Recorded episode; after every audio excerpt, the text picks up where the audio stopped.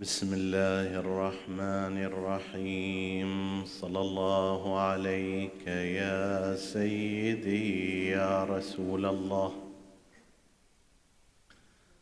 صلى الله عليك وعلى ابن عمك أمير المؤمنين. وعلى أهل بيتك الطاهرين.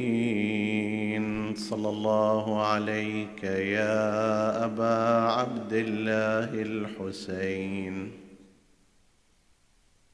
ما خاب من تمسك بكم وأمن من لجأ إليكم.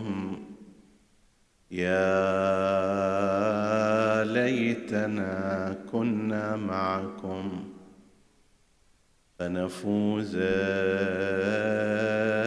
فوزا عظيما. وأعظم رزء زلزل الكون خطبه ودك الرواسي فهي منه رمام هجوم العدا قسرا على حجب أحمد. ولم يرع فيها للنبي ذمام فبينا بنات السبط في الخدر إذ بها. أغار لسيل سلب الطاهرات لآم ففرت من الخيمات حسرى مروعة. ففريت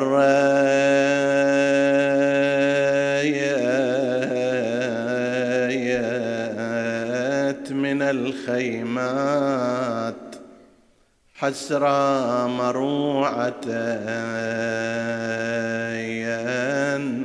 لها الصون ستر والعفاف لثام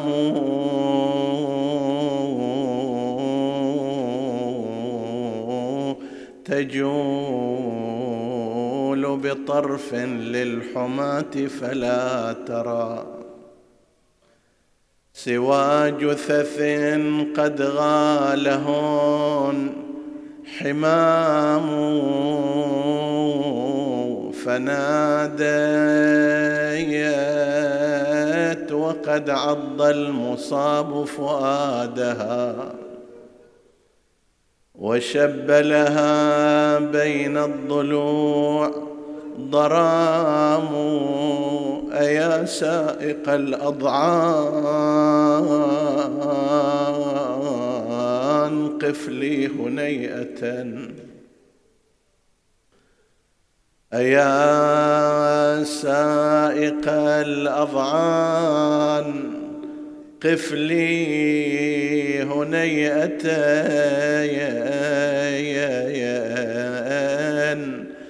لعل أغسلها بالدمع فهي سجام.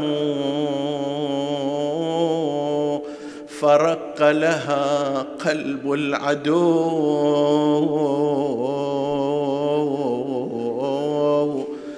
مهابة وناهيك من رزء يرق له لآم. فنادت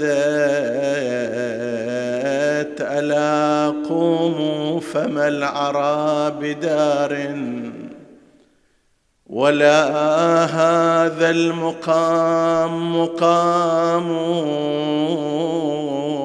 فما جت على حر الصعيد جسومهم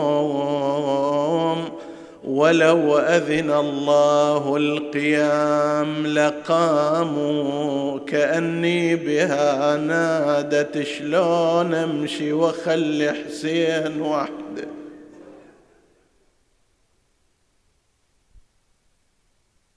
شلون امشي وخلي حسين وحده طريح ويابس من العطش كبد طريح ويابس من العطش كبده يا عسى خدي تعفر دون. هذا لسان حالنا كلنا كل شيعة أبي عبد الله الحسين. يا ريت إحنا طعنا وأنت لم تطعن. عسى خدي تعفر دون. خدايا وقلبي دون قلبه كان مطعون. لكنما الأمر لله لا حول ولا قوة إلا بالله. العلي العظيم إنا لله وإنا إليه راجعون. وسيعلم الذين ظلموا أي منقلب ينقلبون والعاقبة للمتقين. عطروا مجالسكم بذكر محمد وآل محمد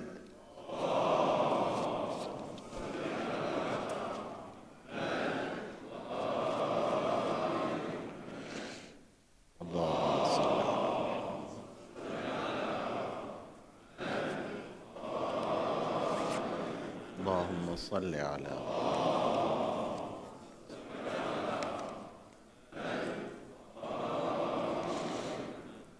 قال الله العظيم في كتابه الكريم بسم الله الرحمن الرحيم. لقد كان في قصصهم عبرة لأولي الألباب. آمنا بالله. صدق الله العلي العظيم. حديثنا بإذن الله تعالى يتناول شيئا من تاريخ التشيع في جنوب شرق آسيا في دولة إندونيسيا.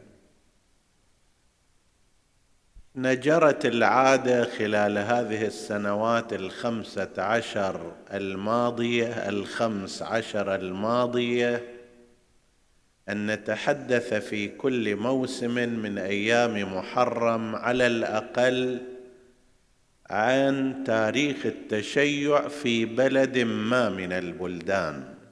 فتحدثنا عن تاريخ التشيع في القطيف والأحساء والبحرين والمدينة وتركيا واذربيجان ولبنان والعراق وإيران والمغرب العربي وغيرها من المناطق الغرض من ذلك متعدد واحد من الأغراض ألا يشعر الشيعة أهل البيت عليهم السلام في أي منطقة يعيشون فيها أنهم وجود قليل طارئ في الأمة وإنما كل الأمة الإسلامية بدرجة أو أخرى احتضنت التشيع في فترة من فترات تاريخها بشكل كامل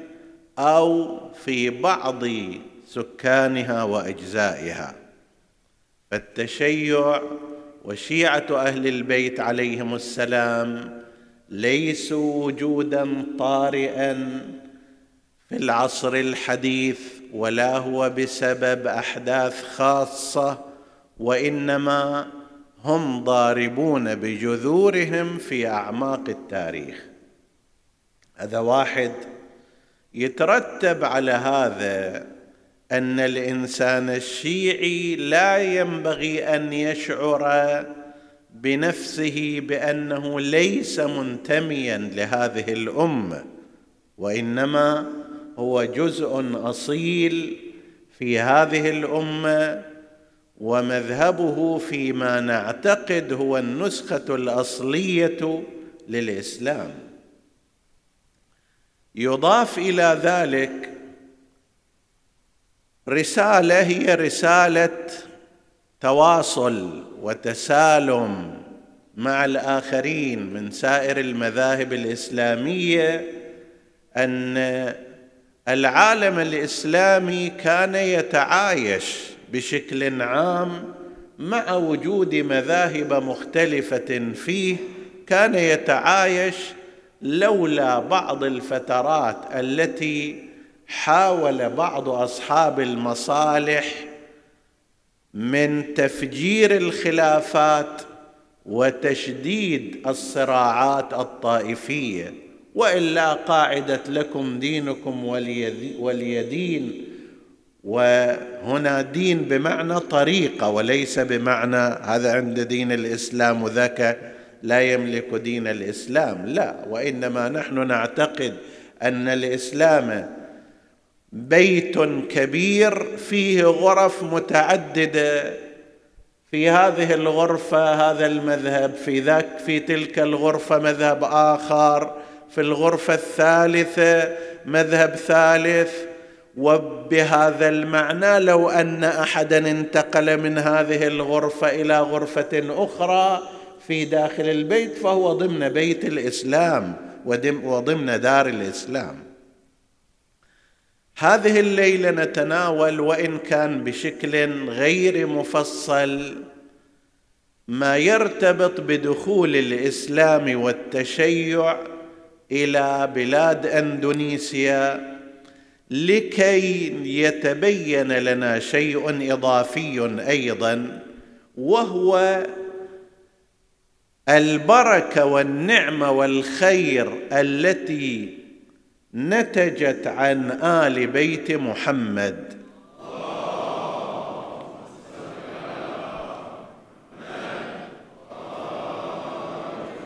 فإنهم بالإضافة إلى شرحهم للشريعة وبيانهم للأحكام وتوضيحهم لما جاء به رسول الله جدهم صلوات الله وسلامه عليهم كان لهم بالإضافة إلى ذلك الدور الأكبر في نشر الإسلام. اليوم أكبر دولة إسلامية من حيث عدد السكان ورابع دولة في العالم كله من حيث عدد السكان هي بلاد إندونيسيا. 270 مليون نسمة.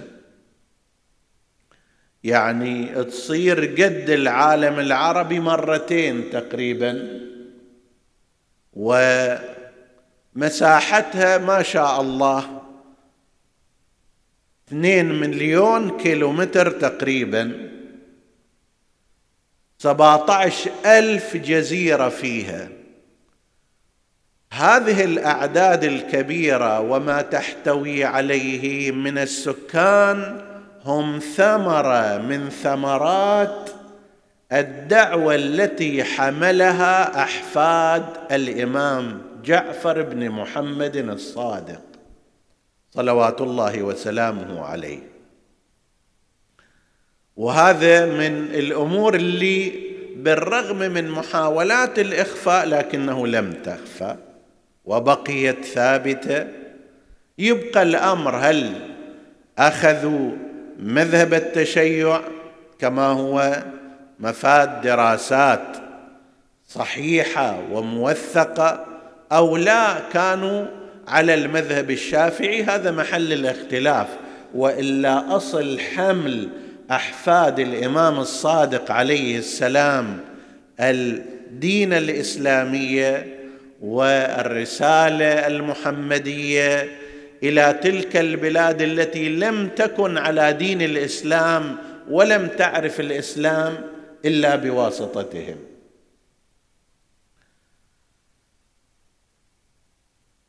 هناك نظريتان النظرية التي تحاول التقليل من دور أهل البيت عليهم السلام تقول أن الإسلام انتشر في بلاد أندونيسيا والفلبين والملايو ماليزيا وتايلاند.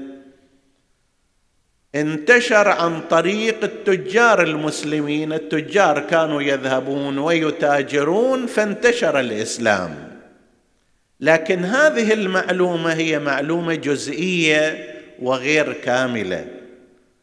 النظريه الأخرى التي تدعمها الشواهد وإلها تاريخ موثق هي أن أحفاد الإمام الصادق عليهم السلام من ابنيه علي العريضي علي بن جعفر موجود قبره في المدينة. علي معروف بالعريضي في منطقة العريض وكان له مقام في السابق. والآخر محمد الديباج محمد بن جعفر الصادق عليه عليه السلام. هذول أحفادهم انتقلوا إلى حضرموت. اولا كان قسم منهم ساكنين في البصرة. صارت أحداث ثورة الزنج. ثورة الزنج كانت في زمان الإمام الهادي والإمام العسكري عليه السلام. وكانت ثورة فوضوية منحرفة. في في منطقة البصرة والمنطقة الجنوبية من العراق ثم بلاد إيران عبادان والأهواز. وهالمنطقة هذه كانت مركز حركتهم وكما قلت كانت ثورة منحرفة والامام الهادي عليه السلام أو العسكري أصدر كلاما نزع فيه الشرعية فقال صاحب الزنج ليس منا أهل البيت. ليس منا ليس نسبا منا لأنه كانوا يدعون أنه إحنا من أهل البيت. وأيضا ليس منا يعني لا يمشي على مسلكنا وطريقتنا. ارتكبوا جرائم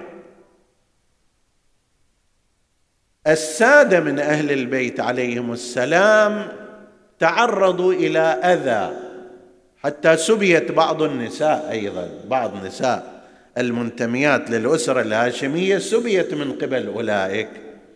فهاجر كثير من هؤلاء خارجين من البصرة ومن بينهم السيد أحمد بن عيسى المعروف بالمهاجر. أحمد بن عيسى بن محمد بن علي بن جعفر الصادق.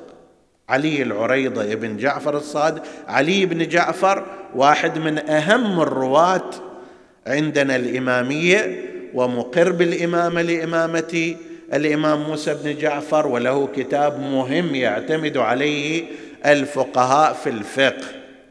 هذا عنده ولد اسمه محمد الولد محمد اسمه عنده ولد اسمه عيسى عيسى عنده أحمد أحمد الذي يعرف بالمهاجر. معروف الآن إذا تكتب في الإنترنت أحمد بن عيسى المهاجر تجد كثير من الكلام حوله. هذا انتقل من البصرة إلى حضرموت إلى اليمن وسكن منطقة تريم. منطقة موجودة إلى الآن. طبعا استقبل هناك استقبال عظيم جدا باعتباره واحد من أهل البيت ومن العلماء وبقي مكرما معززا هناك وكان يدرس العلم ويفقه الناس. وجه أبناءه هذا أحمد ابن عيسى للسفر والهجرة من حضرموت إلى المناطق القريبة المحيطة بتلك المنطقة وراحوا هذول اللي راح إلى الفلبين اللي راح إلى تايلاند اللي راح إلى أندونيسيا اللي راح إلى ماليزيا. كل هالجماعة راحوا إلى تلك المناطق وصلوا إلى أندونيسيا وبدأوا بنشر العلم ونشر الإسلام ونشر الدين. أحد الكتاب ويقال له فان بن بيرج. عنده كتاب اسمه المستوطنات في الجزائر الهندية. كانت تسمى جزائر الهند تلك المناطق في القديم. وهو مؤرخ قديم يقول كان من أهم أسباب انتشار الإسلام في أندونيسيا أن الدعاة إلى الإسلام كانوا من أحفاد النبي محمد.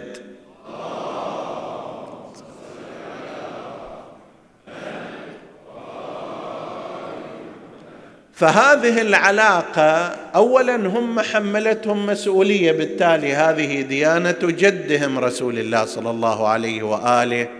والناس أيضا رأوا أنهم يتصلون بالنبي بهذه الواسطة وهذا شيء معروف حتى الآن نحن عندنا. إذا مثلا عالم من الذرية سيد من السادة ينظر إليه بنظرة احترام أكثر من المعتاد.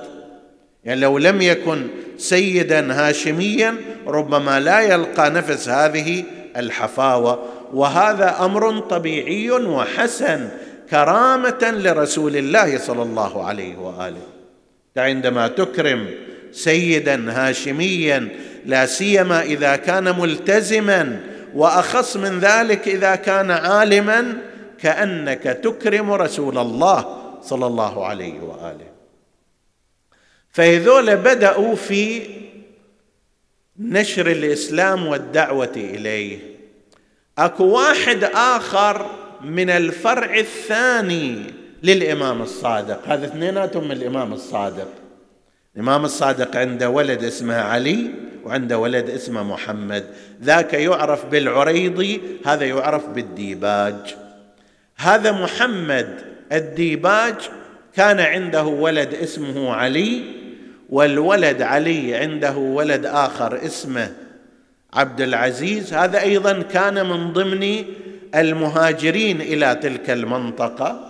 إلى أندونيسيا ويظهر هذول كانوا في مناطق متعددة.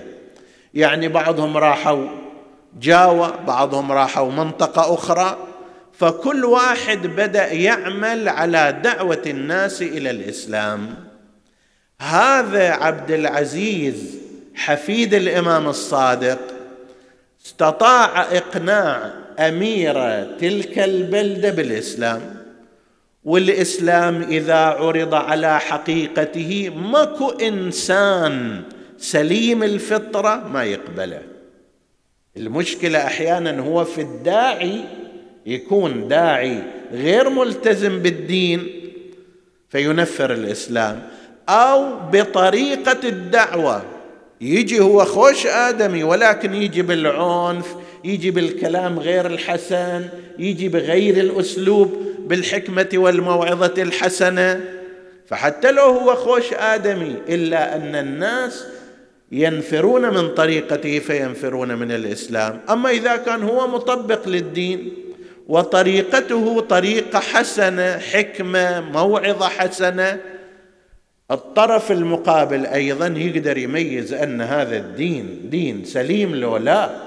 لأن الله أنزل هذا الإسلام على الفطرة الإنسانية. فدعا أمير إحدى المناطق تلك فأسلم. لما أسلم أيضا أسلمت أسرته. هذا عبد العزيز متزوج واحدة من بناته. طيب. وصار وريث العرش بعد ذلك. هذا الحفيد للإمام الصادق عليه السلام اللي في بلاد أجداده في مثل البصرة والمدينة والكوفة وهالأماكن كانوا يطاردون مطاردة من قبل السلطات الطاغية والخاطئة. هناك لما راح أصبح الآن صهرا لمن؟ لحاكم المنطقة. فلما حضرت ذلك الوفاة حاكم المنطقة أوصى بالحكم إليه وأصبح حاكما هو وأولاده واستمرت حكومتهم مدة ثمانين سنة.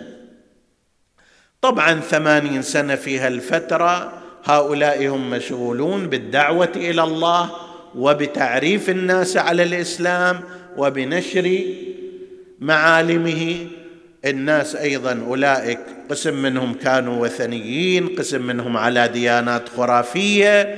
لما يجي ضياء الإسلام ونوره لا, لا ريب أنهم سوف يهتدون إليه. وبالفعل هذا الذي حصل و صار هالتوجه. ينقلون عن هذه السلسلة مثلا سلسلة الديباج سلسلة محمد الديباج أنه كان يروي مثلا من أحاديث رسول الله صلى الله عليه وآله ما جاء في حق جده أمير المؤمنين لولا أني أخشى أن تقول فيك طائفة من أمتي ما قالته النصارى في المسيح عيسى ابن مريم لقلت فيك قولا لا تمر به على ملأ إلا وأخذوا من تراب رجليك ومن طهورك. يستشفون ولكن حسبك أنك مني وأنا منك. صلوا على محمد وآل محمد.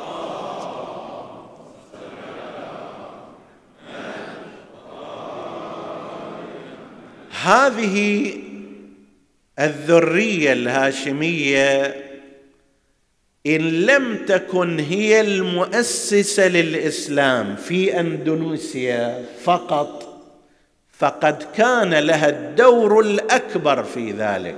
يعني نحن لا نقول أنه لم ينشر أحد الإسلام إلا هؤلاء لأن كثير من المسلمين يحبون دعوة الآخرين إلى الإسلام وإلى الخير. فأي واحد كان يروح حتى لو ما كان من أهل البيت حتى لو ما كان من العلماء تاجر يروح يشتري. ما أدري البن والكاكاو ما أدري التوابل وغير ذلك ويتاجر فيها. بين تلك المناطق وبين اليمن والمنطقة العربية أيضا قسم منهم بلا شك كانوا على أخلاق عالية وكانوا بعملهم وبأخلاقهم كانوا يدعون إلى إلى الإسلام.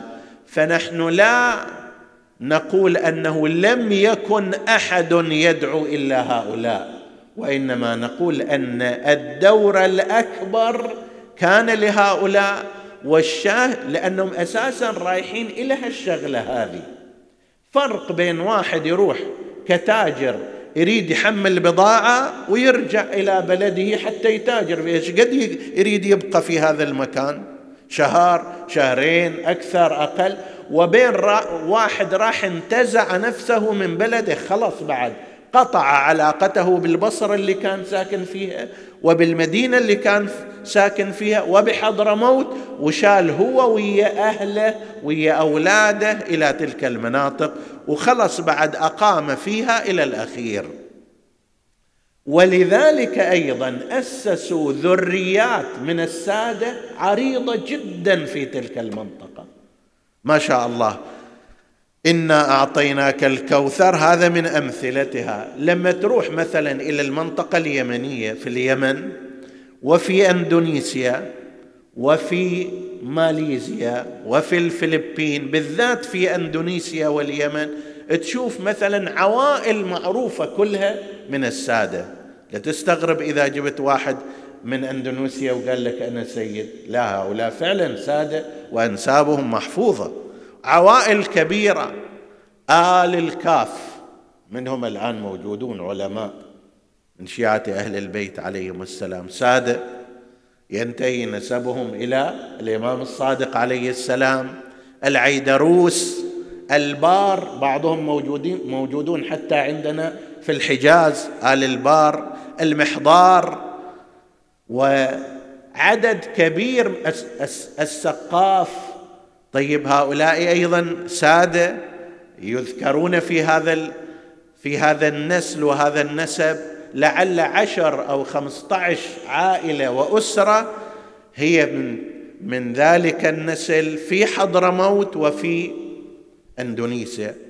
طبعا الآن الآن في هذه الأزمنة إلى يومنا هذا حتى تقدر تبحث في الإنترنت في حضرموت المذهب الشافعي يعظم أحمد بن عيسى المهاجر تعظيما كما نعظم إحنا الإمام الحسين شلون؟ يوم قدومه إلى حضرموت يعتبرونه يوم من الأعياد ويسوون مجالس الذكر والثناء عليه وذكر سيرته وإلى آخره ولكن منهجهم الفقهي هو المنهج الشافعي. حتى في أندونيسيا وهذه مسألة تحتاج إلى مزيد من البحث قد لا يتسع إليه الوقت الآن أن أندونيسيا الأكثرية الغالبة من المسلمين فيها هم الشوافع.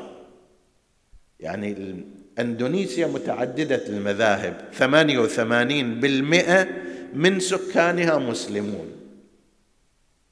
الباقي 12% بين مسيحيين وهم الأكثر وده تشتغل الكنيسة المسيحية على تكثير هذه النسبة وبين ديانات مثل البوذية والكونفوشية وما شابه ذلك. وأخيرا تم الاعتراف للأسف بالبهائية كدين من الديانات. بهائية أحد الديانات المنحرفة التي لها أفكار لا ترتبط كثيرا بالإسلام. في داخل الدائرة الإسلامية الأكثرية الساحقة والغالبة هم من الشافعية ولهم طرائق صوفية. شافعية المذهب وعندهم طرق صوفية. وبعد هؤلاء يأتي شيعة أهل البيت عليهم السلام وعددهم ليس بالكثير. طبعا هنا في قضية الإحصاءات نشير إلى قضية وهي أنه حتى لو أراد الإنسان أن يتعرف على العدد الحقيقي قد يعسر عليه ذلك. إما لأنه ماكو إحصاء على أساس المذهب. أكثر البلاد الإسلامية ما يجون يحسبون الأفراد على أساس المذهب. وثانيا قسم من أتباع هذا المذهب أو ذاك لا يصرحون به. حتى لو هو على هالمذهب ما يقول أنا كذا. إما لخوفه من الضرر أو غير ذلك فما يصرح. لذلك تختلف التقديرات اختلاف كلش كبير. بين مثلا جماعة يقولون إن شيعة أهل البيت الإمامية في أندونيسيا مثلا مئة ألف وبين أناس يقولون يزيدون على المليون. يعني عشرة أضعاف الفرق وهذا راجع إلى مثل هذا الأمر وقد يكون راجع إلى نقطة أخرى أيضا وهي أن قسم من الناس يتصورون أنه إذا كان العدد قليل فمعنى ذلك هذول مو أصحاب حق. وإذا كان العدد كثير فمعنى ذلك أنه هذول على الحق. وهذه فكرة غير صحيحة وإلا كان المسيحيون مثلا أو البوذيون هم الأحق من المسلمين لأن عدد البوذيين أكثر من المسلمين عدد المسيحيين في العالم أكثر من المسلمين فهل معنى ذلك هم أصحاب الحق؟ لذلك قضية الإحصاءات لأكثر من جهة وجهة لا يمكن التوثق منها بشكل كامل لكن هذا موجود. الشافعية بلا ريب هي العدد الأكبر الأغلبية الساحقة في اندونيسيا شيعة أهل البيت موجودون بهذا المقدار. التوجه السلفي أيضا في الفترات الأخيرة بدأ يتواجد ويكون هناك في تلك المنطقة. هذا بالنسبة إلى الخريطة الإسلامية. كيف صارت اندونيسيا ذات أغلبية شافعية؟ كما قلت هذا الآن. يحتاج إليه إلى حديث أكثر تفصيلا وقد لا ندخل فيه. هاي المرحلة الأولى وجدنا أن أحفاد الإمام الصادق عليه السلام راحوا وبدأوا الدعوة إلى الدين. لقد كان في قصصهم عبرة لأولي الألباب. أشخاص هاربين من البصرة. خايفين من القتل. ينجون بأنفسهم ويروحون إلى بلاد حضرموت. لكن من هؤلاء ينشأ جيل الآن 270 مليون تقريبا. 88% من هذا العدد هم من المسلمين. سواء كان كما نعتقد أن بداياتهم دعوة إلى مذهب آبائهم وشيعة علي بن أبي طالب عليه السلام أو لسبب أو لآخر فيما بعد صاروا ضمن المذهب الشافعي. المهم أن هؤلاء هالعدد الهائل من الناس كان بسببهم أن دخلوا إلى الإسلام؟ حقيقة شيء مذهل. هذا غير اللي في السنوات الماضية يعني أنت تتصور من حوالي سنة 345 هجرية اللي توفي فيها هذا أحمد بن عيسى المهاجر واللي أبنائه راحوا من سنة 313 هجرية. طيب إلى يومنا هذا كم من ملايين الناس صاروا على دين الإسلام؟ وهي من بركات محمد وآل محمد.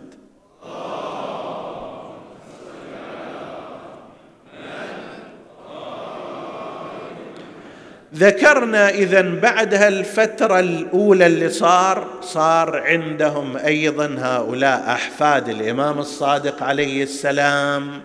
صار عندهم مملكة ودولة تسمى مملكة برلاك. وبقوا فيها هذه الفترة أقل من قرن من الزمان ولكن بعد ذلك زالوا عنها وأخذها غيرهم. في مرحلة أخرى ستشهد أندونيسيا حركة كبيرة جدا من الدعوة إلى الإسلام وواسعة سيطلق عليهم الأولياء التسعة. تسعة أولياء هذول أيضا من أحفاد أحمد بن عيسى المهاجر. يعني هؤلاء أبناء أبنائه بحوالي سن بعد سنة 500 هجرية فصاعدا.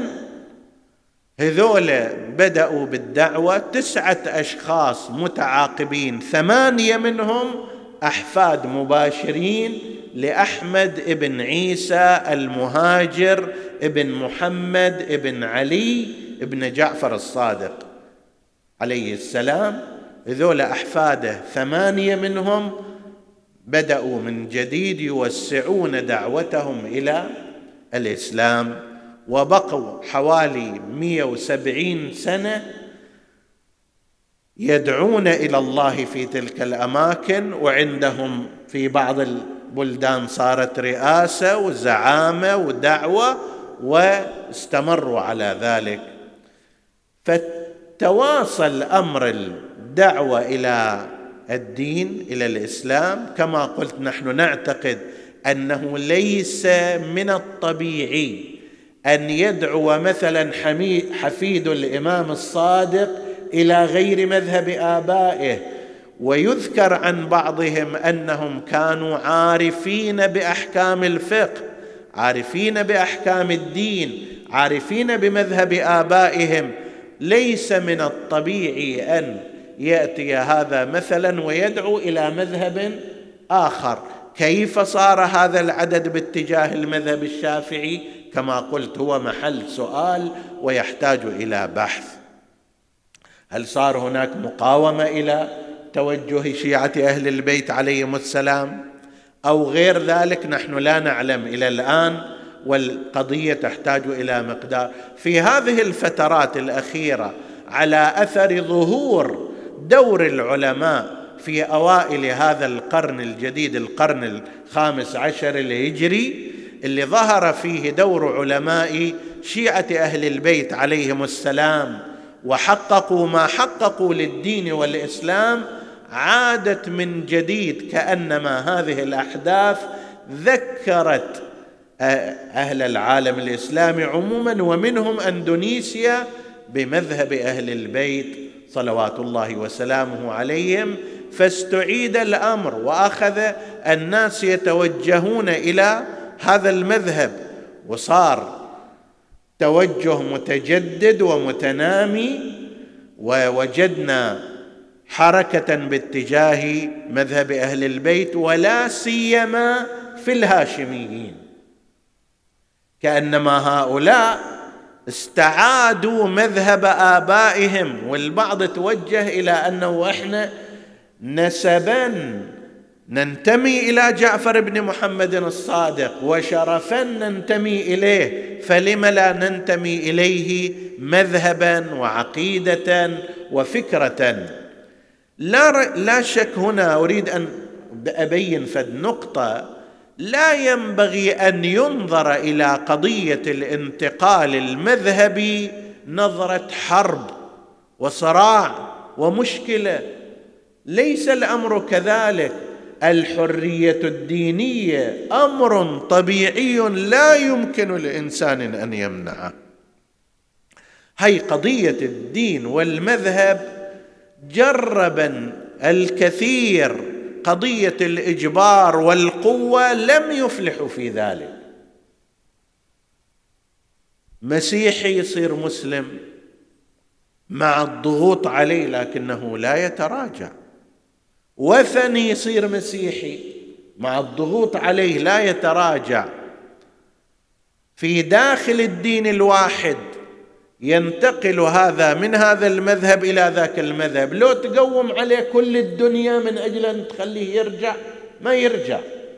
وهذا مو راجع كما يتصور البعض إلى أنه إيه هذول أخذوا فلوس فتم إغراؤهم بالأموال. لا ليس كذلك. الأكثر من الناس ينتهجون مذهبا ودينا لأنهم يعتقدون أن هذا هو الطريق للسعادة الأبدية. ما ياثر في قضية المال لا اعطاء ولا حرمانا. نعم هناك قسم من الأشخاص هذول بايعين ومخلصين حسب التعبير لكن أكثر الناس ليسوا هكذا. الذين يؤمنون بالإسلام في أوروبا مثلا يستلمون أموال حتى ليس كذلك. يضغط عليهم حتى يصيروا مسلمين ليس كذلك. الذين ينتقلون في داخل الدائرة الإسلامية في المذاهب هل لأنه مضغوط عليه يصير مؤمن بهذا المذهب؟ كلا. ولا لأنه يستلم مالا. قضية الدين قضية يعتقد كل إنسان أن هذا هو الطريق إلى الآخرة. فأنت ما تقدر تجي تغريه بأموال وتخسره الجنة. هذه تجارة غير رابحة. نعم هناك أناس ماديون حتى في داخل المذهب الواحد ولكن هذه ليست هي القاعدة. فصار هذا التوجه إلى مذهب أهل البيت عليهم السلام الآن في تلك البلاد يوجد لدى أتباع أهل البيت عليهم السلام عدة جامعات يوجد لديهم عدة قنوات فضائية يوجد لديهم جمعيات رسمية معترف بها من الدولة وتتماشى مع قوانينها. وهذا مما ينبغي أن يفرح له المسلمون. كل ما واحد يجي إلى محبة أهل البيت تشيع ما هو؟ هو محبة أهل البيت واتباعهم. ينبغي أن يكون قضية محبة أهل البيت محل اتفاق بين المسلمين. لا ينبغي أن يكون هناك أحد يصرح بأنه لا يريد. هم عندهم يقولون علموا أولادكم محبه محمد وآل محمد لا يؤمن أحدكم حتى أكون أحب إليه من نفسه ويكون أهل بيتي أحب إليه من أهل بيته. صلوا على محمد وآله.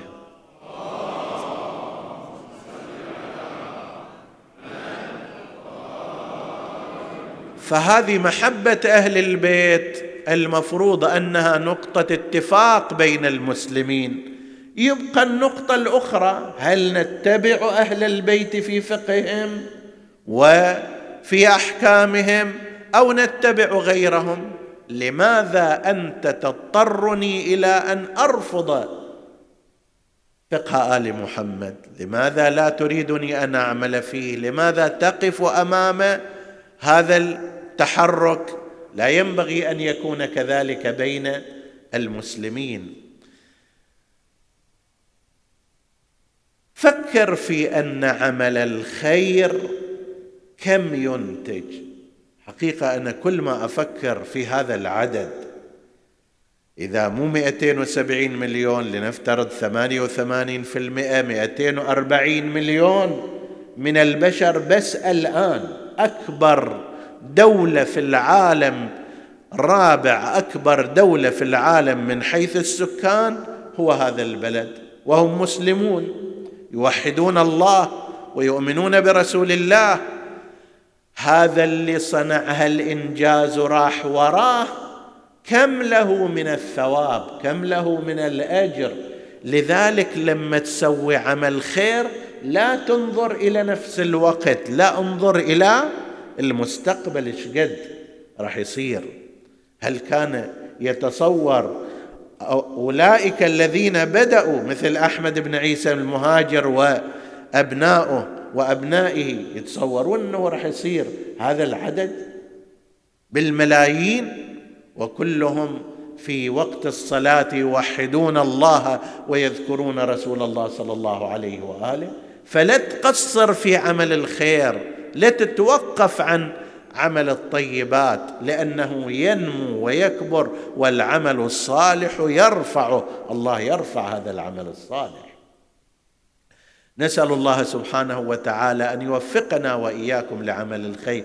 من الأمور التي يلحظ فيها وجود الآثار الشيعية اولا المقابر القديمة.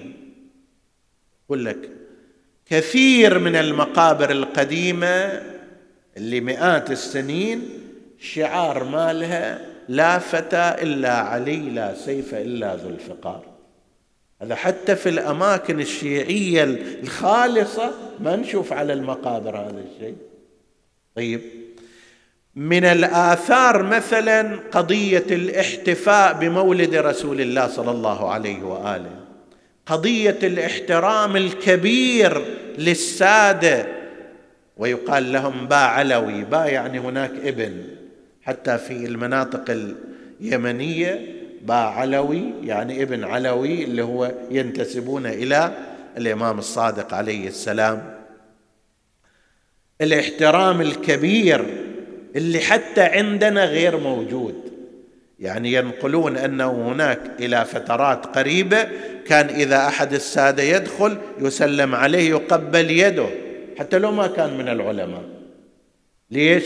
كرامة لانتسابه لرسول الله صلى الله عليه وآله. من ذلك أيضا ما يرتبط بالممارسات الباقية في قضية الإمام الحسين ومحرم وصفر.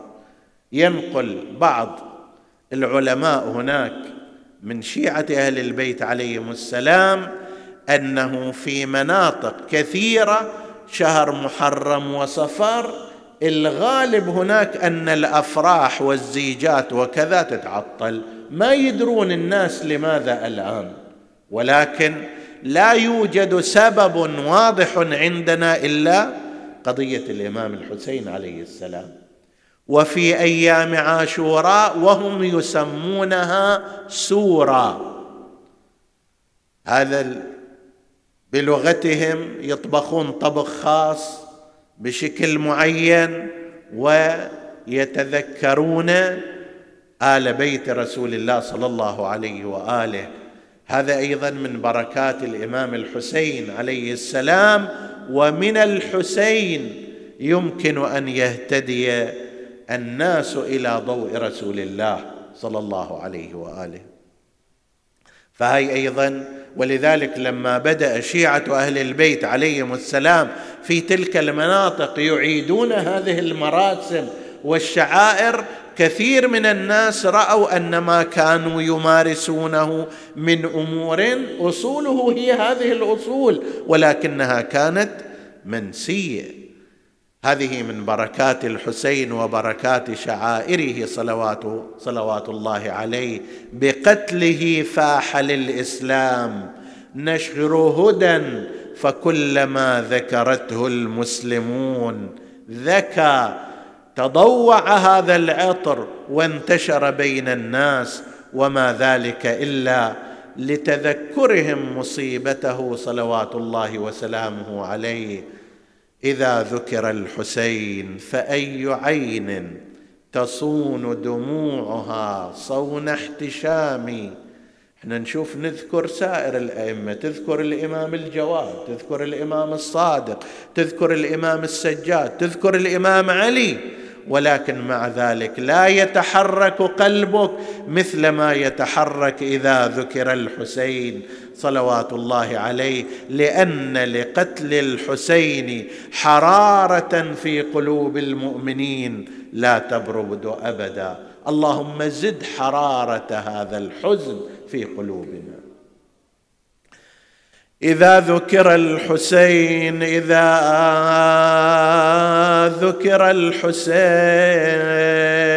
فأي عين تصون دموعها تصون دموعها صون احتشام بكته الأنبياء وليس بدعا بأن يبكي الكرام على الكرام. عندنا الروايات كثيرة في أن الأنبياء السابقين بكوا على مصيبة الحسين عليه السلام وحق لهم أن يفعلوا ذلك لأن هذه الرحلة شهدت من الآلام والمآسي والمصائب ما يذيب الصخر لو حل عليه.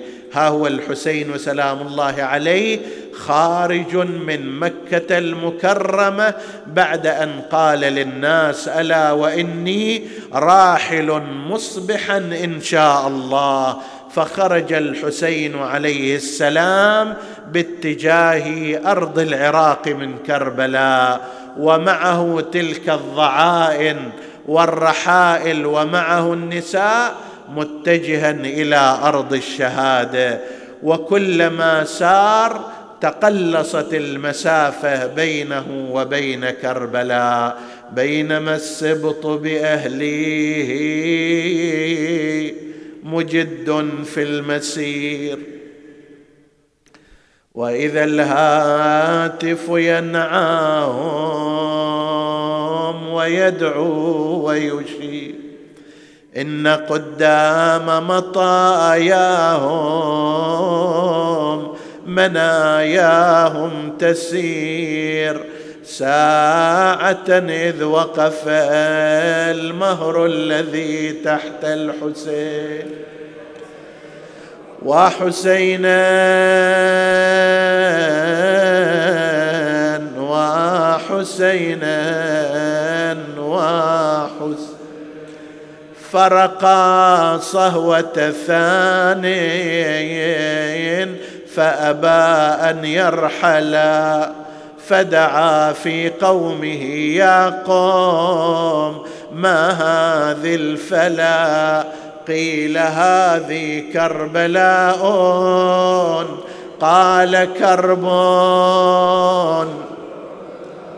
وبلا خيموا إن بهذه الأرض ملف العسكرين. ها هنا تنتزع الأرواح من أجسادها بضمن تعتاض بالأجساد من أغمادها وبهذه تحمل الأمجاد في أصفادها في وثاق الطلقاء. الأدعياء الوالدين وحسينا وحسينا وسبط الرسول بكربلة تحير نجي. وقال لهم شو اسم القاع يا ليوث الحريم قالوا يا ابو السجاد اسمها الغاضرية ولها اسم عند الخلايق شط الافرات معني نواوي العقور يا سيد الساد. قال لهم وقلبه من الوجد يسعر لي انزلوا يا قوم هذه الأرض التي وعدناها ها هنا محط خيامنا وها هنا تسفك دماؤنا. وها هنا تسبى نساؤنا وها هنا يصعد شمر على صدر الحسين. نزلوا وأنزلوا النساء يقول أرباب الخبر زينب توقفت قليلا عن النزول. جاء علي الأكبر من جانب وجاء أبو الفضل العباس من جانب. هلمي يا زينب ننزلك إلى هذه الأرض؟ أنزلوها بكل رعاية بكل عناية. يتسابقون إلى خدمتها نصبوا لها خيمتها. هذا يوم قد نزلت فيه إلى كربلاء وما هي إلا أيام. كيف خرجت من تلك الأرض؟ التفتت يمينا وشمالا.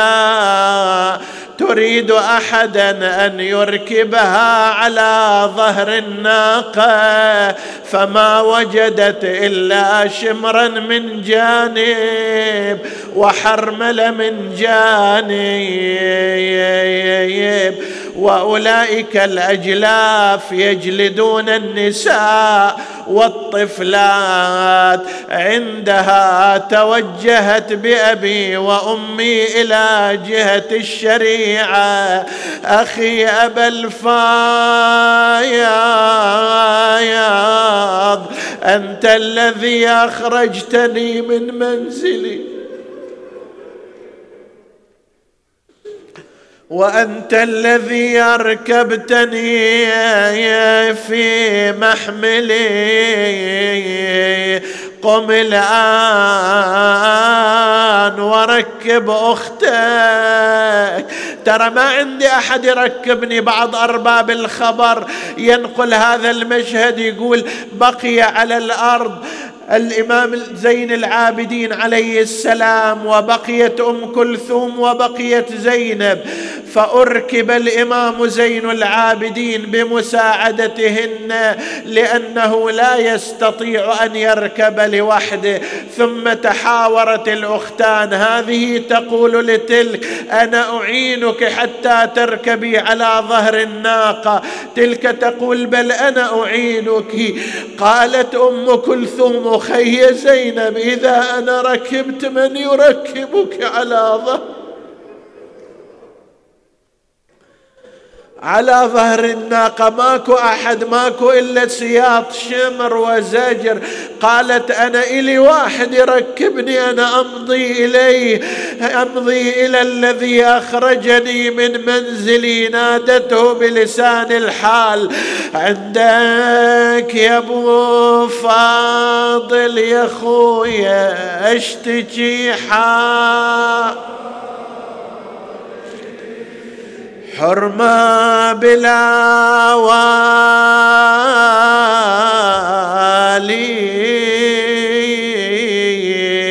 والشمير يبرالي. وليحدي للناقة زجر عباس يا عيون.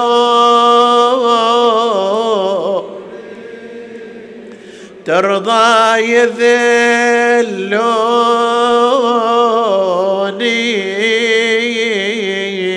للشام يسبوني. خويا انت الجبتنا من الوطن وتجفلت بينا.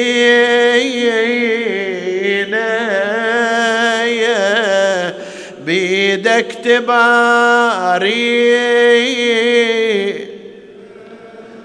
وسا تخلينا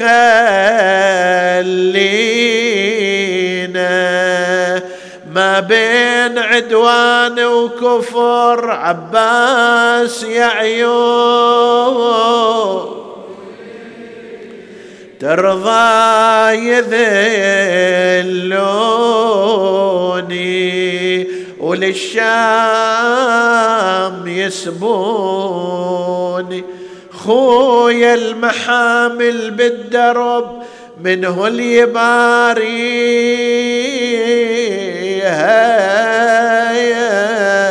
عقبك يا والي. يا ويلي عليك عباس تسمع زينبا تدعوك من لي يا حماي إذا العدا سلموني.